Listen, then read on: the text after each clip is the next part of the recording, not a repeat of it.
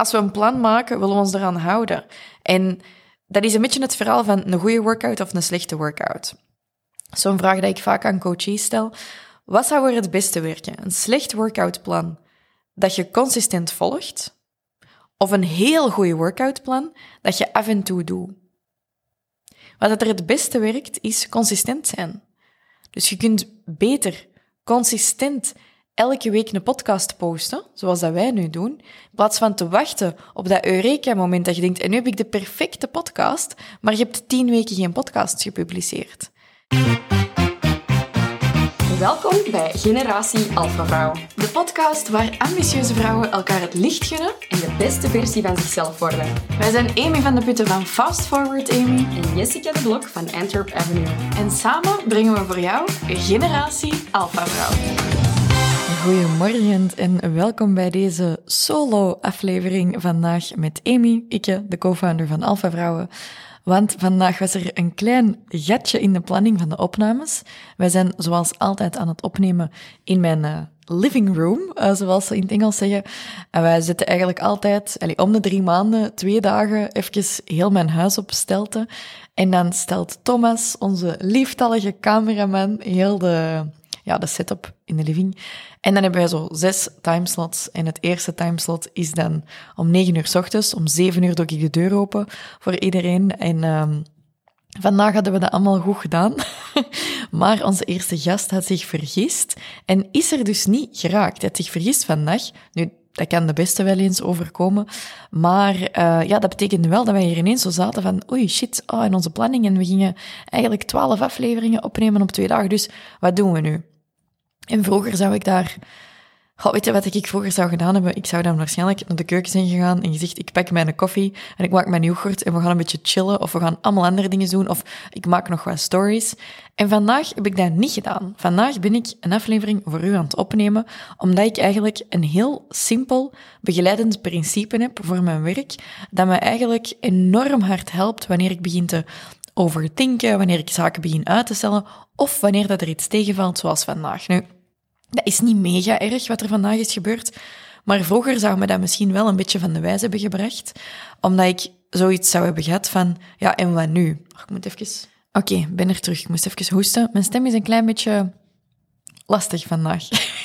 dus ik ben eigenlijk opgestaan en ik voelde me niet goed. Die gast die kwam niet opdagen en toch ben ik nu aflevering 1 van de 12 aan het opnemen op deze tweedaagse opnames met een beetje behind the scenes voor u, omdat ik één principe gebruik uh, dat me continu helpt. En ik ga, voordat ik het principe toelicht, u eerst even meenemen naar een andere situatie waar ik mij vorig jaar in september in bevond. Dus um, ik heb zelf in mijn andere bedrijf, Fast Forward Amy, een team van acht mensen. En dat team, dat vraagt mij heel vaak om dingen te doen. En vaak zijn dat dingen die ik kan, maar heel soms is er iets waarvan zij eigenlijk niet doorhebben dat ik het misschien een beetje moeilijk vind. Zoals, hey Amy, maak eens stories daarover. Of ga eens live daarover. Of promote eens die live. Of doe nog eens een pitch of zo. Want dat zit dan in een contentplan. En um, vorig jaar in september merkte ik zo dat ik op een gegeven moment uh, wel een plan had om stories te maken en om zaken te promoten, maar dat ik bleef zaken uitstellen. En ja, op den duur,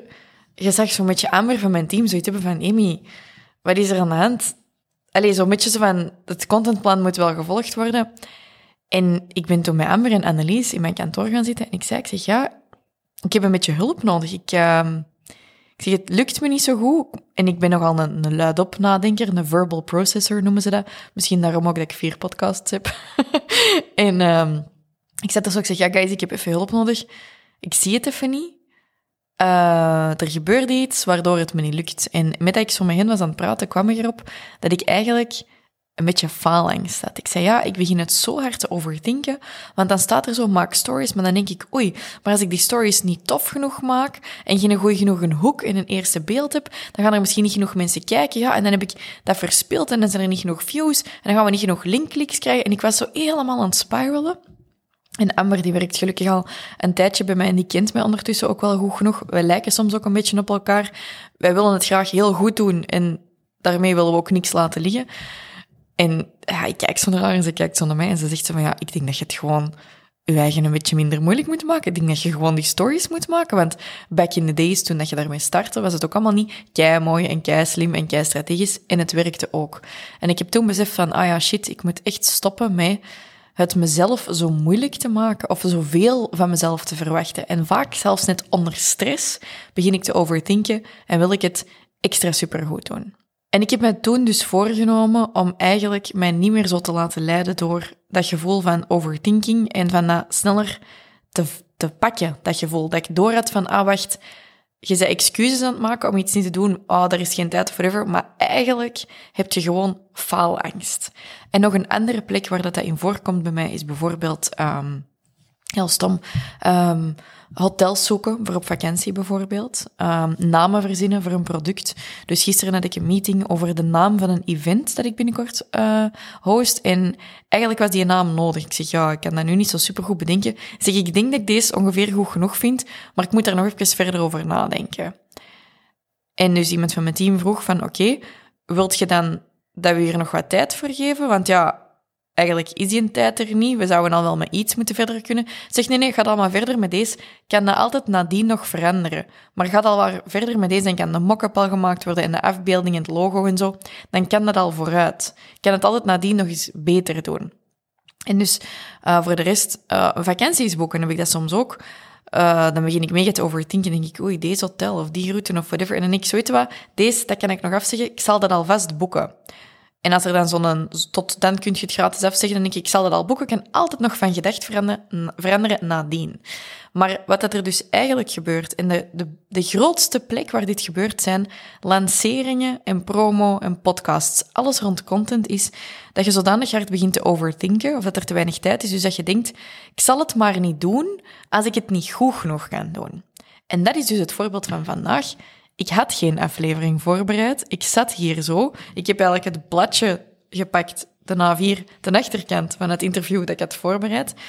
En ik heb gewoon mijn woorden opgeschreven en ik dacht, oké, Thomas had wat inspiratie, Selena van ons team had wat inspiratie. Ik denk, oké, omgaan met tegenslag. We pakken het voorbeeld van vandaag. Hoe kun je consistent blijven, fear of failure in je laten tegenhouden en zo omgaan met tegenslag. En ik begon zo aan na te denken. Denk, oké, goed, ik ga het hier hebben over dat principe dat mij hierbij helpt. En dus ik ben een aflevering aan het opnemen. De meeste mensen zouden zeggen, ja, dan neem ik niks op zo, als ik geen gast heb. Maar ja, ik zit hier nu, dan kan ik het even goed opnemen. Maar dat is dus een mindset dat we niet genoeg hebben. Hoe komt dat, denk ik? Omdat je eigenlijk van kind af aan op school wordt aangeleerd dat je het altijd heel goed moet doen. En dat je altijd heel goed moet voorbereid zijn. En dat je altijd moet proberen gaan voor die 10 op 10. En als je geen 10 op 10 haalt, dan zitten ze met een rode bik op je blad te schrijven. Ja, dat is enorm demotiverend. Stel je voor als ik hier nu mijn, mijn voorbereiding had gemaakt, met weinig tijd, en Thomas zou naar mij komen met een rode bik en die zou, en over mijn schouders wat lijnen beginnen trekken. En zo, deze vind ik niet goed. Uh, voordat je die aflevering gaat opnemen, geef het maar een 6 op 10. Dat zou enorm demotiverend zijn voor mij. En zo worden wij eigenlijk een beetje opgevoed, vind ik, door het systeem, ik kan even samenpakken, waardoor dat we niet altijd ja, nog die motivatie hebben om dingen te proberen die buiten onze comfortzone liggen. Want we worden eigenlijk aangeleerd dat je alleen maar dingen moet doen die je heel goed kunt. Maar wat als het merendeel van onze resultaten te vinden zijn in de zaken die we niet per se supergoed kunnen? En daar heb ik dus het principe voor gemaakt en dat heet Follow the fucking timeline.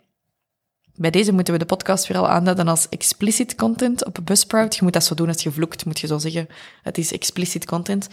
Um, en follow the fucking timeline gebruik ik dus voornamelijk in lanceringen, omdat daar vaak een enorme angst is, als je iets aan het verkopen, dat mensen niet meer willen kopen. Dus je kent dat misschien, je hebt een leuk idee voor een e-book of een nieuwe mock of whatever, en je gooit dat online op je stories of op Instagram, of je stuurt een mail uit, en die moment tussen dat eerste ding dat je online zet en die eerste klant, voelt je je precies alsof je ze aan doodgaan. Als dat te lang duurt, en je hebt niet genoeg een positieve feedback loop, dan gaat je erin blijven hangen, en dan gaat je eigenlijk schrik krijgen om dat nog eens te doen, want dat gevoel, dat is alsof dat je een 2 op 10 hebt gekregen. En daar is u geleerd vroeger dat dat niet goed is, dat gevoel. Dus je durft niet nog eens een story maken, want je denkt, ja, maar wat als, als mensen dan nog altijd niks kopen? Ja, dan kopen mensen niks, nu zijn ze ook niks aan het kopen. Eigenlijk kan dat geen kwaad. Maar naar gevoel toe laat ons dat enorm hard voelen alsof dat we gefaald zijn. Alsof we het niet goed zijn aan het doen. En voor de meeste onder ons, nu ik ben geen psycholoog, maar voor de meeste onder ons triggert dat een gevoel van ik ben niet goed genoeg, ik ben niet veilig, ik ben niet graag gezien. Dat, gaat, dat ligt daar echt onder. Dus wat gebeurt er bij de meeste mensen die bijvoorbeeld iets lanceren? Die stoppen met te praten over hetgeen dat ze verkopen. Omdat ze schrik hebben dat er niet genoeg feedback gaat zijn. Maar als je niks post, kan er ook geen feedback zijn. Dan kan er ook niemand niet gaan klikken. Dus dan gaat je ook geen positieve feedback krijgen. En daarom heb ik dus het principe van follow the fucking timeline voor mezelf gemaakt. Zodanig dat als ik schrik heb om te babbelen over een bonus dat gaat verdwijnen, maar het staat in mijn agenda dat ik het moet doen, dat ik het gewoon doe. Los van wat er nu sales van komen of niet. Elke keer als ik probeer in onderhandeling met mezelf te gaan en te gaan discussiëren of dat ik iets wel of niet moet doen, remind ik mezelf gewoon aan follow the fucking timeline. Ondertussen zijn er honderden mensen dat dat principe ook zijn beginnen hanteren en jij misschien vanaf vandaag ook. Want dat principe kan u enorm veel uh, tijd en vooral energie gaan besparen, omdat je dus niet meer die onderhandelingen met jezelf gaat doen. Dus ik had vandaag nog van alles en nog wat dat ik wou opnemen. En ik zei tegen Thomas, oh, we kunnen misschien nog uh, deze trailer opnemen en dat en dit en dat. En Thomas zegt, oh, ik heb ook nog een zin nodig dat je eens opnieuw inspreekt, want die klinkt wat krakerig en zo. Ik zeg, oké, dat is allemaal keigoed laten we eerst even die aflevering opnemen dat we nodig hebben, want we hebben wel zes afleveringen nodig vandaag. En dat is dus follow the fucking timeline. Als er iets was dat je ging doen vandaag, al is het dat je het dan eens iets minder goed doet, maar volg die een timeline, want eigenlijk, zoals als je wekker afgaat. Ik heb deze week, dus ik ben al gegaan van met mijn gsm in de slaapkamer te gaan. Dat is al heel lang geleden dat ik dat deed. Naar een wekker te kopen, zo'n Philips Wake-up Light. Want ik merkte dat ik in mijn bed lag te scrollen omdat ik geen andere wekker had. Ik merk dat vooral als ik op vakantie ben, dan heb ik geen andere wekker bij. En dan zit ik weer al op die gsm in mijn bed, omdat die dan naast mijn bed ligt als wekker. Dus ik heb zo'n Philips Wake-up Light en dat is met zo'n zo'n licht dat dat je wakker maakt en vogeltjes. Je kunt dat ook op iets anders instellen, maar ik heb dat met die vogeltjes. Side note, dat heeft er dus wel voor gezorgd dat als nu de echte vogeltjes beginnen te chirpen buiten om vijf uur s ochtends, dat ik ook denk dat mijn wekker afgaat. Ik raad het niet 100% aan, maar zwet. Ik ben helemaal afgeleid. Dus die Philips Wake-up Light. Niet snoezen is eigenlijk ook een variant van follow the fucking timeline. Ik heb dat heel vaak dat ik s'avonds denk, maar nu wordt het echt plat Antwerps, hè. ik denk zo s'avonds, ja, en morgen ga ik om zo laat opstaan en dan ga ik dit doen, en dan heb ik een leuke morning routine, dan heb ik tijd om te ontbijten, en dan gaat die wekker s ochtends en denk ik, ik kan wel nog een half uur langer slapen. ik kan dat. En dan daarna heb ik nog een half uur langer gesnoest. En dan denk ik, ja, wat heeft me dat nu eigenlijk gegeven? Ik begin er spontaan wat te geven. Dat maakt me eigenlijk alleen maar moer dat ik zo een commitment met mezelf niet meer ben nagegaan. Aangegaan, nagegaan, nageleefd, zoiets. Dus dat heb ik van de week gedaan. Ik heb die grote wekker gepakt, dat is echt zo'n groot ding, zo'n Philips Wake-up Light. En ik heb dat aan de andere kant van de kamer gezet. En nu als de wekker afgaat, moet ik uit mijn bed. En ik heb er dus voor gezorgd, ik heb mezelf gehackt, dat ik niet meer kan onderhandelen met mezelf. En dat zorgt voor een goede start van mijn dag. Full disclosure, ik ben daarna wel terug in mijn bed gekropen nadat ik iedereen had binnengelaten, omdat ik een beetje ziek was gisteren. Dus ik heb wel nog een uurtje extra geslapen en ik ben ook blij dat ik dat heb gedaan. Maar dat is anders dan zeggen, ik ga niet uit mijn bed en niemand is binnengekomen hier in de living studio. Want ja, ik was nog aan het slapen of heb ik mij overslapen. Dit was een bewuste beslissing. Nadat ik al een kwartier wakker was en alles had opengezet en gedaan, dacht ik, ja, ik voel me nog altijd echt niet goed. Ik ga toch echt nog even een uur slaap pakken. Dat is anders, dat is een beslissing.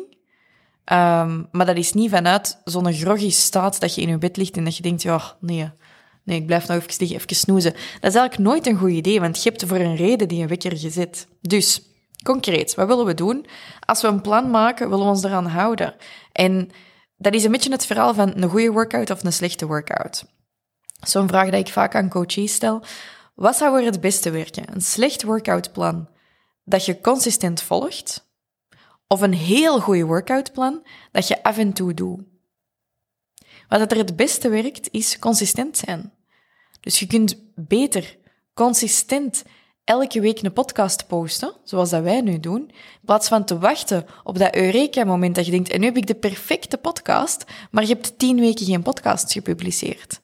En ik weet dat er mensen zijn out there die dat echt zeggen, alles op intuïtie en dit en dat. En ik zeg niet dat je ik, ik ben absoluut fan van intuïtie te laten invloeien in wat je doet. Ik zal heel vaak teksten veranderen. Als ik zo stories heb voorbereid, ik zal dat veranderen. Ik zal beelden veranderen. Ik zal de inhoud van een podcast veranderen en alles. Maar ik zal er wel voor zorgen dat er elke woensdag nu bij Alpha Vrouwen een podcast online staat. En dat er op mijn podcast al 200 afleveringen op rij een podcast online staat. Omdat je het anders een beetje van het toeval zit aan het laten afhangen en je zit aan het wachten op een soort mirakel dat niet gaat komen. Dat mirakel dat komt eigenlijk van het feit dat je consistent bent. Dus de manier om consistent te zijn, is voor mij om faalangst te laten gaan. En de manier waarop dat we dat kunnen doen, is by following the fucking timeline. En als het u gerust kan stellen, een manier om dat eigenlijk een beetje los te laten met momenten is... Je kunt het altijd bekijken als een experiment, zoals ik met die titel, en zeggen, ik kan het altijd volgende week nog gaan veranderen. En dat is eigenlijk het verhaal van, het is makkelijker om het varende schip te gaan bijsturen dan om te zeggen ik moet van richting veranderen, terwijl dat mijn schip stil ligt. Als dat al vaart, is het makkelijker om bij te sturen. Heel vaak is de grootste bottleneck van ondernemers het niet maken van beslissingen. Het vastzitten met van alles. Ah, ik kan niet beginnen verkopen, want ik heb geen prijs. Ah, ja, ik kan dat nog niet maken, want ik heb het design nog niet gekozen. Ah, ik kan deze nog niet online zetten, want die link is er nog niet. Je, grootste bottleneck zijn vaak je beslissingen. Dus als je die beslissingen nu gewoon al kunt beginnen maken, kunt altijd je voornemen dat je nadien iets kunt veranderen. Maar je kunt niet iets veranderen dat er niet is. Dus start met beslissingen maken, maak een plan en volg dan gewoon je plan, ook al is het niet helemaal perfect. Dat zijn mijn tips voor u vandaag, voor als het even tegen zit, of als je even je eigen voelt wegzakken in de val van faalangst. En uh, ik denk, ja, ik denk dat we het er wel over eens zijn dat de grootste plek waar dat dit gebeurt bij mensen is toch wel bij het maken van content, denk ik. Hè? Um, je wilt content maken, maar je zit daarmee vast en je denkt, ja, uh, ja, dat is niet goed genoeg. Ah, hoe vaak dat ik ondernemers zie bezig zitten in Canva, en jij zit er misschien ook eentje van, ik was het vroeger ook, en maar designen, en maar schuiven, en de marges, en nog eens een ander kleurje, en nog eens een andere stokfoto-website. En voordat je het weet, zet je twee uur bezig in Canva. Wat als je nu gewoon dat design pakt van de eerste half uur? Of van die eerste vijf minuten en het dan loslaat. Nogmaals, je kunt het daarna gewoon beter maken. Met je stories ook. Ik heb dat soms ook als ik zo begin te overdenken. denk ik, oei, nee, nog eens opnieuw, nog eens opnieuw. Oh, als ik het nu gewoon al even post, hè. Maar als je je daar, daar zelf voelt invallen met Instagram, kan het ook zijn dat je dat hebt omdat je zoiets hebt van ja, ik weet eigenlijk niet zo heel goed wat ik ben aan het doen en wat voor content ik moet maken. Moet ik het nu grappig gaan maken? Moet het nu mooi zijn? Zijn het nu stories? Zijn het nu feedposts? Ik begrijp dat dat heel overweldigend is. Ik heb daar zelf een tijdje ook in gezeten tot ik eigenlijk een structuur voor mezelf ben beginnen bouwen. Om mezelf daar ja, gewoon aan te houden, zodat ik het niet meer kon gaan overdenken.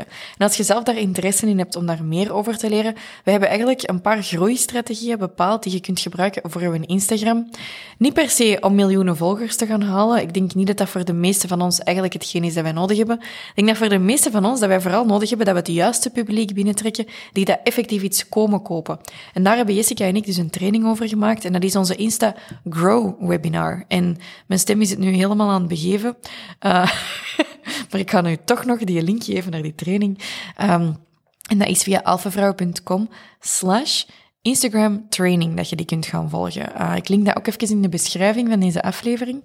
Maar um, daar gaat je dus wat strategieën en tactieken in vinden om eigenlijk op een efficiënte manier te beginnen groeien. Want ook daar is het misschien zo dat je iets belangrijks te zeggen hebt of iets goed aan te bieden hebt, maar dat je gewoon ja, soms je eigen grootste vijand bent. Dus laat dat niet gebeuren.